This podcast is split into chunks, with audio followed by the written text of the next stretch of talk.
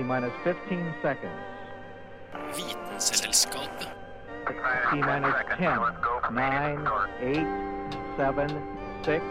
We have main engine start. 4, 3, 2, 1, and liftoff. Vitenselskapet. Vitenselskapet på Radio Nova.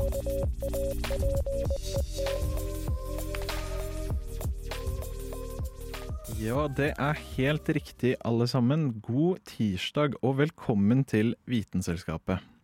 Jeg heter Daniel Restad, og med meg i studio i dag så har jeg Anna Vik Redseth. Og Ingelin Nordmann. Og i dag så skal vi prate om noe veldig aktuelt, nemlig resirkulering og flere gjenstanders hva skal man si? Multiple eller fler, flerbruksegenskaper Mm. er vel den fine måten å si det på. Og for å spark, sparke i gang det, så kommer jeg nå egentlig bare til å hoppe rett i. Og fortelle om eh, noe spennende som jeg fant en eh, liten stund tilbake. Og det går eh, ut på matlaging. Fordi, som dere kanskje vet, matlaging det krever jo en del varme. Ja. Som Mm. regel. Hvis du skal ha godt stekt kjøtt. Ja, da må du ha varme hvis det Ja, skal da- være godt stekt. Da må du ha varme. Og for å skape den varmen, så har vi jo gjennom historien hatt ulike måter å gjøre det på. Mm. Men i dag så er jo de landene med best økonomi bruker seg gjerne av elektrisitet, som oss heldige er i Norge. Mm. Eller så kan vi se på f.eks. England, som også har en solid eh, økonomi. Men de er, bruker mer gass. OK. Ja. Og derfor så er jo det en liten sånn skjevfordeling. Fordi de landene som ikke har like god tilgang på ressurser eller økonomi, de er jo nødt til å benytte seg av litt mer tradisjonelle eh, ressurser som treverk. Ja, ikke sant? For å lage liksom flammer. Ja. Den klassiske varmegreien. Yes. Rett tilbake til som man gjorde før i tida. Å Mm. brenne treverk. Veldig effektivt. Um, og lett tilgjengelig, ikke minst. Det er jo derfor man gjør det, da. I eh, plasser med litt dårligere økonomi og tilstand. Og, men det har jo en pris til seg, da. Og da mener jeg mer enn bare avskoging, som dere sikkert tippa. Mm. Eh, fordi de trerøttene de er viktige til å holde jorda, og da mener jeg selve bakken, sammen. Mm. Eh, spesielt eh, under altså sterke stormer, fordi hvis du har bare masse løs jord, så flyr jo den i alle Ja. retninger. Men tar man ut hele treet? Tror du man bare kutter et avegg. Og så er roten fortsatt i jorden? Ja, noen steder gjør man det, Mm. men i Sierra Leone, Ah. Ja. der så er uh, Så de tar den opp som en gulrot, liksom? Ja, basically. Ja. De, de fjerner alt sammen. For da, da skal hele altså rot og tre, alt sammen skal brennes. Ja, brukes i okay. varmeovnen. Uh, men det har jo en ganske stygg konsekvens til seg, ved at uh, når bakken ikke har noe å holde sammen med, og det er sterk storm, så får man ras. Og Mm. da flyr jo både altså folk og hus og det lille man har, går jo i bakken. Eh, og da hadde jeg lyst til å fortelle litt om eh, initiativet til en eh, fyr som heter Alhaji Siraj Ba. Jeg okay. håper jeg bare kan få creds hos de som kan det språket. Men han starta en bedrift da, for å få innbyggere til å gå vekk fra trekull, mm. og heller eh, bruke tennbrikker av kokosnøtter. Vet, OK. ja, vet dere hva trekull er? Nei, ikke egentlig. Det er vel bare tre? Hva er en vanlig trebit? Ja, som har blitt Er det flis? Ja, nei, Anna, Mhm. du var inne på det der. Nesten, uh, Ingelin, men eh, Anna var inne på det. Den har blitt forkulla.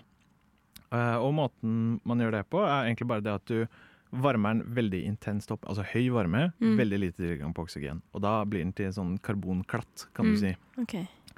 Og i eh, Sierra Leone, eller i den eh, eh, byen da, hvor han opererer, som heter Freetown, der så er kokosnøtter kjempepopulært. Alle spiser det til enhver tid. God snack, veldig, veldig vanlig. Og da ender man opp med mye søppel.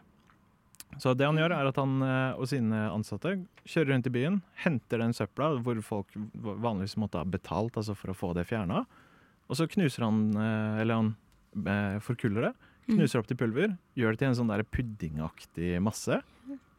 Og når den massen tørker, så ender han opp med sånn, sånn Det ligner på kull, men det er en lysere gråfarge enn sånn kull du ville ha putta i grillen. da. Ja. Og den, fordelen med den da, er jo det er vanvittig tilgjengelig.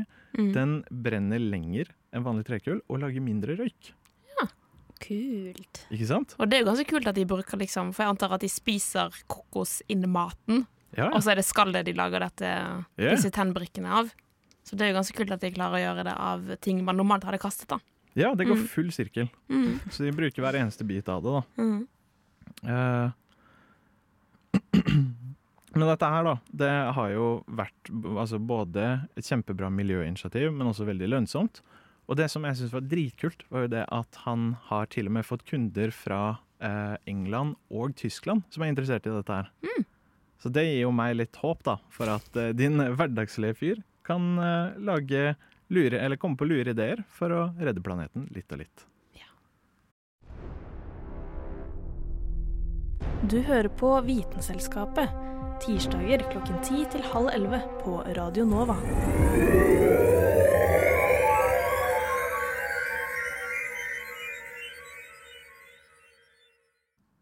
Papp og papir er de mest gjenbrukte materialene i Europa.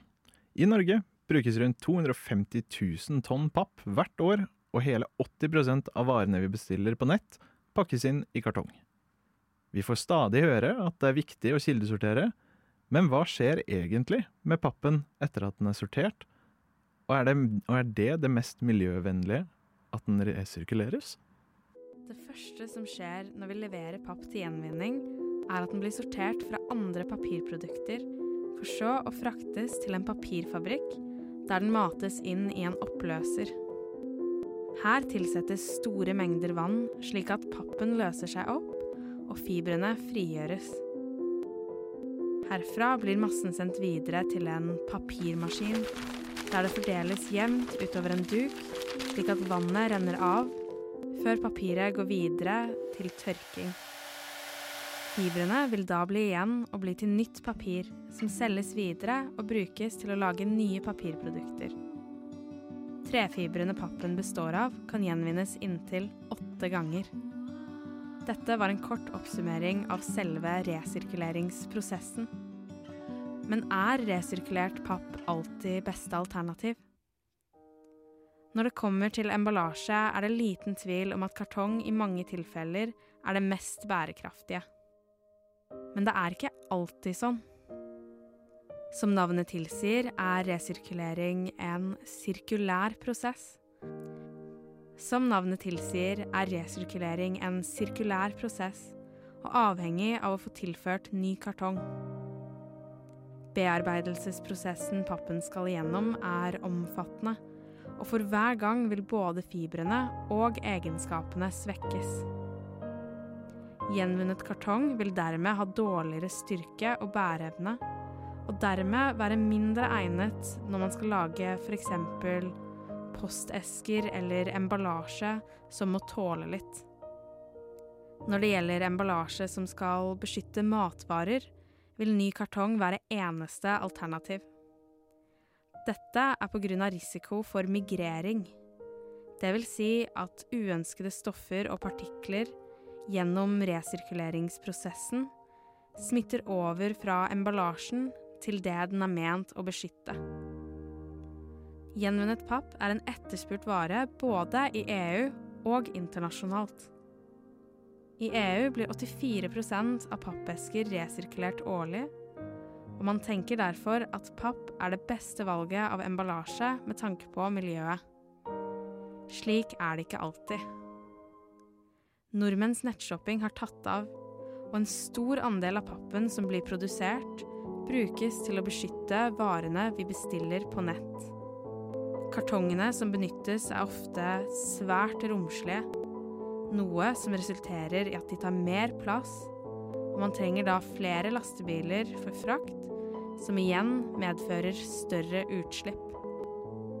Dessuten fraktes varer ofte langt, og så mye som hver femte vare og mer enn halvparten av klærne som sendes, kommer i retur.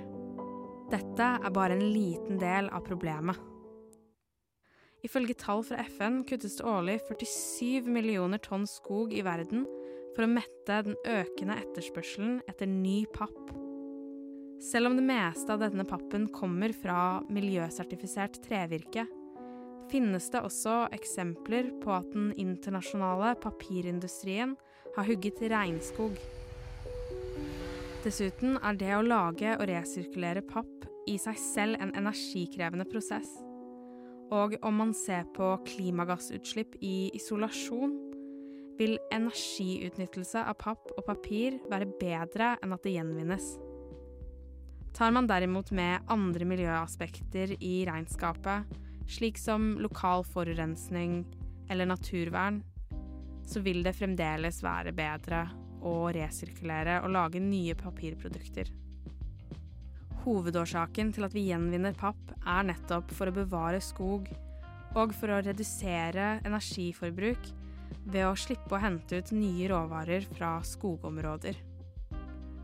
Med andre ord er dette på ingen måte en oppfordring til å verken slutte å bruke eller sortere papp, men heller en påminnelse om at ikke engang pappen kommer helt uten en pris.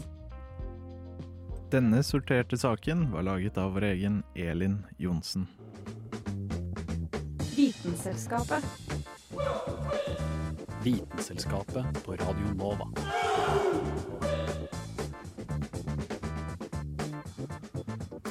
Du godeste Anna. Yes. Nå, mens vi hørte på Elins pappsak, så kom du smygende inn eh, her og presenterte for meg en brun stripe. Mm. Det er bare å sniffe. Nei da, skøyer. Men hva lukter det? Det lukter litt sånn søtt, stekt, Ja. litt sånn barbecue-aktig. Ikke sant? Du kan jo lukte du også, Ingelin, for jeg har også tilsvarende brune striper eh, her hos meg og Ingelin. Oi. Hva lukter det? Jeg vet ikke, litt sånn indisk kanskje? Oi, Det gøy. er. Fordi eh, når vi snakket om eh, Når du snakket om i sted, Daniel, at eh, disse eh, folkene i Sierra Leone eh, lagde eh, tennbriketter av kokosskalle, på en måte, Ja. eh, etter de hadde spist den deilige kokosnøtten inni. Eh, så har jeg, jeg har ikke vært like revolusjonerende, men jeg har brukt et annet type mm, hva skal man si, avfall som man normalt bare kaster i søpla etter man har brukt det. Og jeg har da laget bacon. Bacon. Bacon. Du har ja. laget Jeg har laget bacon. av Bananskall. Haha! Er det det det er? Det er det det er. Og det jeg har da laget da til eh, Sånn at alle vi kan smake på dette, om det faktisk er bacon. For jeg må jo si, jeg er jo litt skeptisk da jeg hørte at man kunne lage bacon av bananskall. Ja. Det høres jo ikke helt uh, optimalt ut. Nei. Men jeg tenker jo at vi egentlig kan eh, Ja. ta en liten smak, alle sammen. Men er det farlig å spise rent bananskall, egentlig? Det håper jeg ikke. Veldig dumt sånn bacon-reklame, da. Så du kan få herringen din. Så den er ganske, den er ganske crunchy. Ja. Det er ikke noe Oi, den smaker jo veldig sånn Jeg liker veldig godt det at den har, liksom, har den firkanta formen til en sånn vanlig skal jeg si, baconstripe. Ja, ja den ser ut som en uh, bacon. Ja, den har litt sånn farge nå. Jeg hadde latt meg lure. Det, det, det var faktisk godt. Det var veldig godt, faktisk. Oi. Aha. Den er jo litt Den har en bananettersmak. Ja. Men, Men- det det. Altså, den ble litt sånn søtlig Mm. sånn mellomsmaken, og så ble den litt sånn spicy etterpå. Hvorfor det? Nei, det er jo Men jeg må si Ja, det, altså, det er ikke optimalt, men For det her er jo et eh, vegansk alternativ da til de som er ja, veganere. Jeg må smake litt mer. Men hva er det du har Noe annet ingredienser som gjorde at den fikk den smaken som er litt sånn barbecue-aktig? Mm. Ja, du har krydra den. Ja, det har jeg. Det skal jeg si. Ja, selvfølgelig. Det jeg har gjort, jeg har eh, Jeg fant en oppskrift på nettet. Der, for det heter liksom vegansk Det er tydeligvis sånn man lager vegansk bacon, da. Eller man kan også lage det av eh, tofu. Oh. Men poenget her er jo å bruke noe man uansett ville kastet, som et bananskall. Mm. Og det, man da, det jeg gjorde i går kveld, så blandet jeg en marinade basert på um, soyasaus, sirup, hvitløkskrydder, eh, paprikakrydder og litt eh, cayennekrydder. Aha. Og så tok jeg bare og rensket en banan. Og skjærte opp bananskallet i sånne strimler, som det faktisk ser litt ut som bacon. Mm. Um, lot det bare være i eh, marinaden over natten. Og så ble det nå nylig stekt. Oi. Før jeg kom hit, da, for at, for at det skal være litt uh, crunchy. da For at du får litt sånn banan... eh, Nei, ikke banan, eh, bacon-følelse. Mm. Men ja. Så det er vel um, Kult. Det er jo kult, men altså det er vel, Jeg kan se for meg at uh, Eller det er veldig vanskelig å imitere bacon, for bacon er liksom Ja. det aller helligste innenfor kjøtt. Men uh, altså, for all del, det funket jo til en viss grad, på en måte. Ja, jeg syns det var godt, jeg. Ja. God snacks. Jeg er sjokka jeg, over at man kan spise det skallet. Mm. Sånn, det geniale er jo det at du kaster jo ingenting. Du kommer til å bruke bananen til hva enn hva og så bruker Mm. du i tillegg skallet. Ja. Men altså, du kan jo også bare bruke bananskallet til å lage kompost, da. Mm. Det lukter litt verre. Jo, men altså, ikke for å være pessimistisk, men altså, jeg er ikke helt, eh, jeg er ikke helt overbevist, selv om jeg syns det var helt greit, på en måte. Men det var liksom ikke noe Altså, jeg som ikke er veganer, mm, tar jo bacon, ekte bacon, over Ekte bacon. ekte bacon hver gang, og ikke dette. Men altså, hvis man vil ha litt umami og litt crunch, så Så kan du godt bruke bananskall og dyppe det i soyasaus. hva gir vi dette her? Ternekast én til seks. Tre, to. Jeg tror jeg lander på en tre. Mm. Solid, Wow. god, god tanke. Men ingenting slår bacon. Nei. Det kommer med Det blir vanskelig å slå. Det blir vanskelig å slå. Hæla i taket med Vitenselskapet.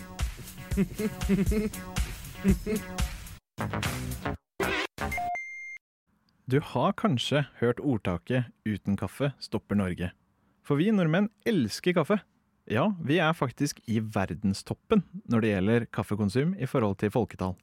Men har du noen gang tenkt over hvor miljøskadelig kaffeproduksjon egentlig er?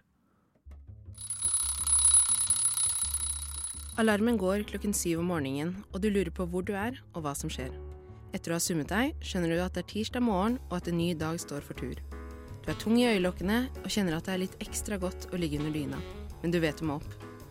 I dette øyeblikket er det eneste som gir deg drivkraft til å stå opp, lysten på den gode og varme, ekstra sterke og kanskje litt bitre koppen med kaffe.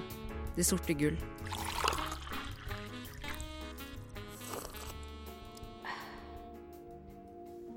Siden 1965 har Norsk Kaffeinformasjon samlet data på nordmenns kaffevaner.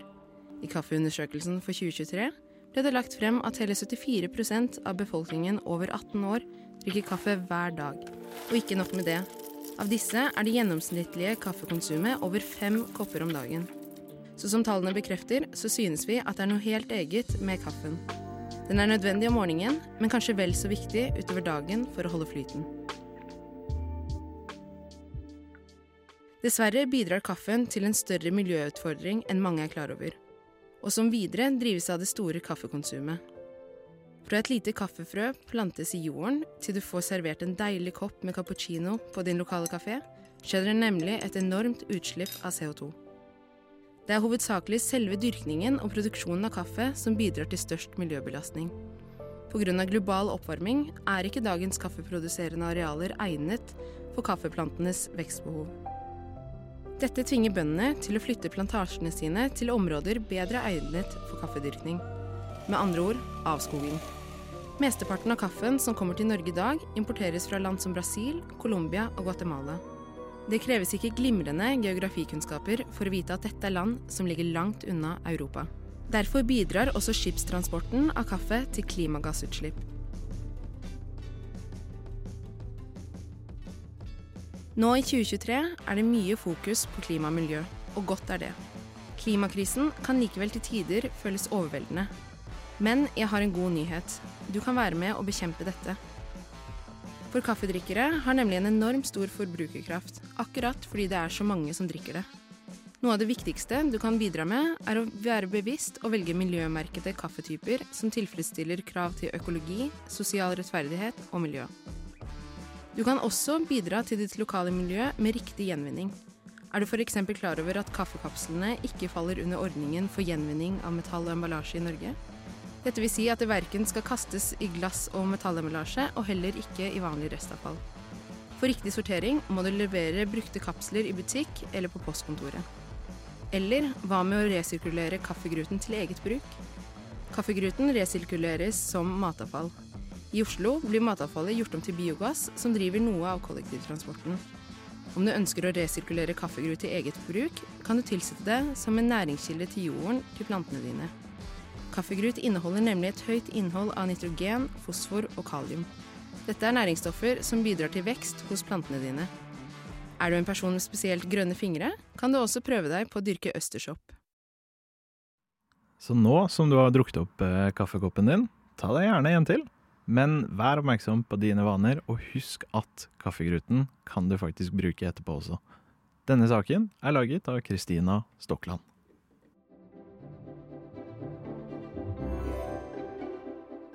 Ja, du hører helt riktig. Du hører på Vitenselskapet på Radio Nova.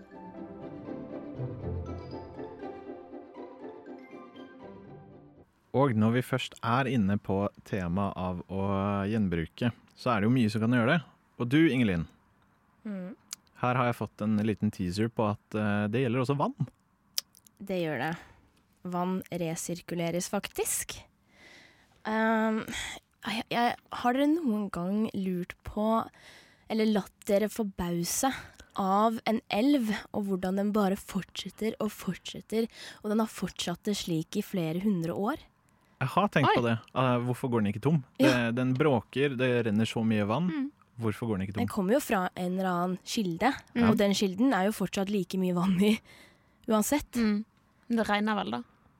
Der er du faktisk inne på noe. Jeg er jo bergenser, så jeg vet at regn, det finnes. Det er din beste venn. Ja. Erkefiende og beste venn.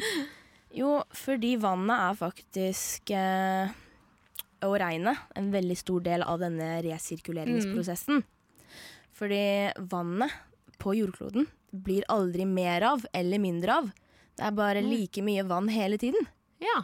Og det er jo egentlig litt forbløffende å tenke over, men når du føler deg litt sånn skyldig av at du bruker litt mye vann her og der, Mm. eller ser på denne elven og tenker 'hvordan i alle dager bare fortsetter den'?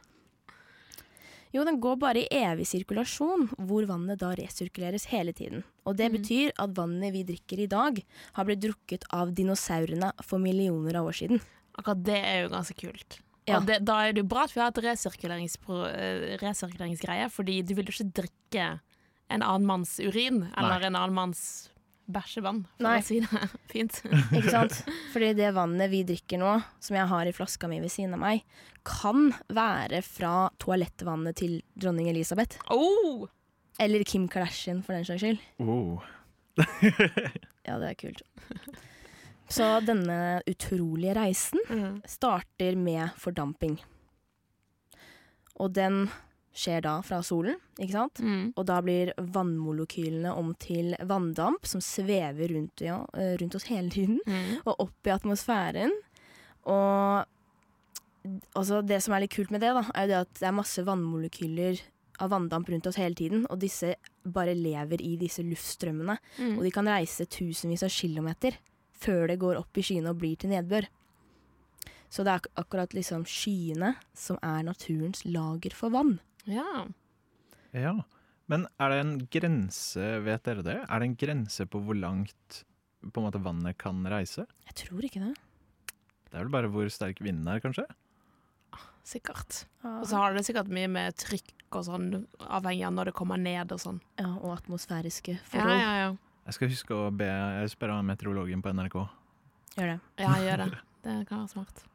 Så når det, disse skyene blir mettet med vanndamp, så faller jo det tilbake på jorden og blir til nedbør, og det er her vannet resirkuleres Mm. og fortsetter sin reise, for det går jo i syklus, da, ikke sant? Og da tenker dere sikkert sånn, hvordan, hvordan kan det vannet som dronning Elisabeth har eh, eh, gjort fra seg, hvordan kan det være rent nå? Ja. For det går igjennom nemlig en sånn naturlig rensing gjennom alle disse syklusene. Så det kan få en rensing gjennom bakken, og det kan få en rensing gjennom disse molekylene som går opp og blir til vanndamp, og det er jo mange prosesser hvor den da blir renset. Og da kontinuerlig fornyer vår tilgang til ferskvann på Mm. jorda. Mm. Men akkurat den kloakkvann blir vel også renset av eh, systemer vi har bygget opp. Ja, vi har veldig strenge systemer for rensing av Ja, vann. Det er jo bra, for da kan vi drikke av rett fra springen. Det er jo ikke alle Ja. land som kan det. Nei, det er det ikke. Mm. Det, er, eh, det er litt uh, Vi er veldig heldige der, egentlig.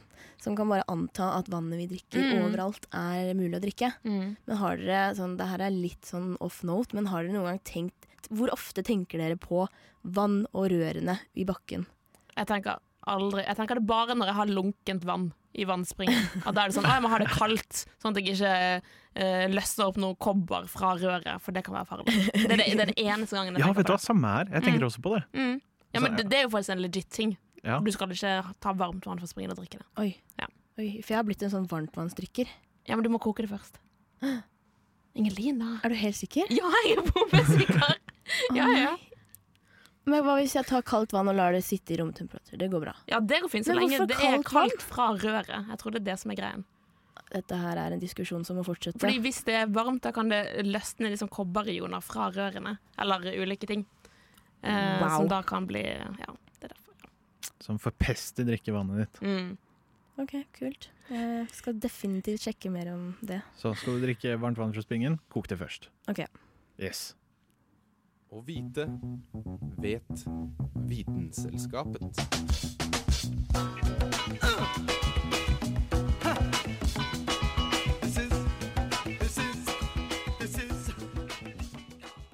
Om du hører på oss gjennom radio eller podkast, er nok uansett høyttalerne dine satt sammen av mer eller mindre plast. Er du flink, sorterer du ut plasten og kaster den slik at den kan bli resirkulert. Men det er ikke mange ganger plasten tåler å bli resirkulert før den blir ubrukelig og rett og slett må kastes. Dette kan føre til fjell av plast i fremtiden hvis vi ikke finner en løsning. Plast ute, plast inne, plast i hjertet, plast i sinnet. Ja, plast er på godt og vondt rundt oss hele tiden. Fra kortene i lommeboka di til klærne du går med. Så å si alt har nå i hvert fall en liten bit plast i seg. I mediene har du kanskje hørt om det omtalt som den store, stygge ulven som forsøpler både land og vann. For problemet med plasten er at den er så hard og anvendelig at den er umulig å bryte ned. Det fører til at vi i dag kan finne plast i havet som først havnet der på 50-tallet. Noe dyrelivet ikke setter spesielt stor pris på. Heldigvis virker det som vi begynner å nærme oss en løsning på dette problemet. Og det kommer faktisk fra dyrelivet selv. Av alle skadedyr jeg måtte deale med i leiligheten min, er melbiller noe av det ekleste jeg har vært borti. Men for plastproblemet kan det være en uventet redning. Som de fleste biller starter også denne i larvestadiet, og det er mellarven som er superhelten i denne historien. Noen mellarver kan nemlig leve på å spise og bryte ned plast. Nærmere bestemt plasten som vi ofte kaller for isopor. Ja, for det finnes flere typer plast som alle har forskjellige egenskaper.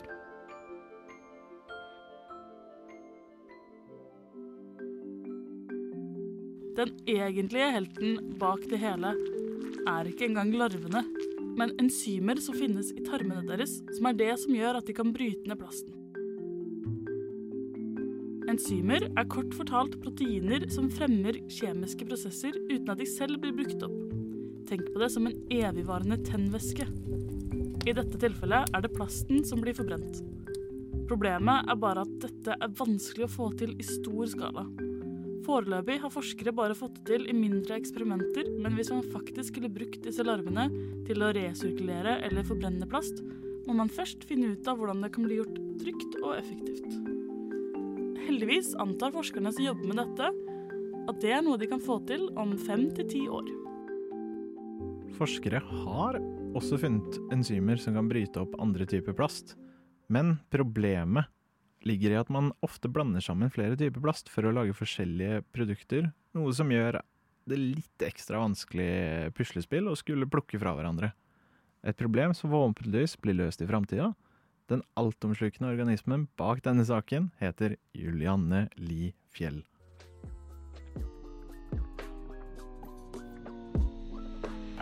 Vitenselskapet. Nei, de her tirsdagene de går litt for fort, syns ikke dere? Jo, det går jo fort når man har det gøy. Suser forbi. Mm. Det gjør det. For du har hørt på Vitenselskapet, og jeg heter Daniel Restad, og med meg i studio hadde jeg Anna Vik Rødseth. Og Ingelin Normann.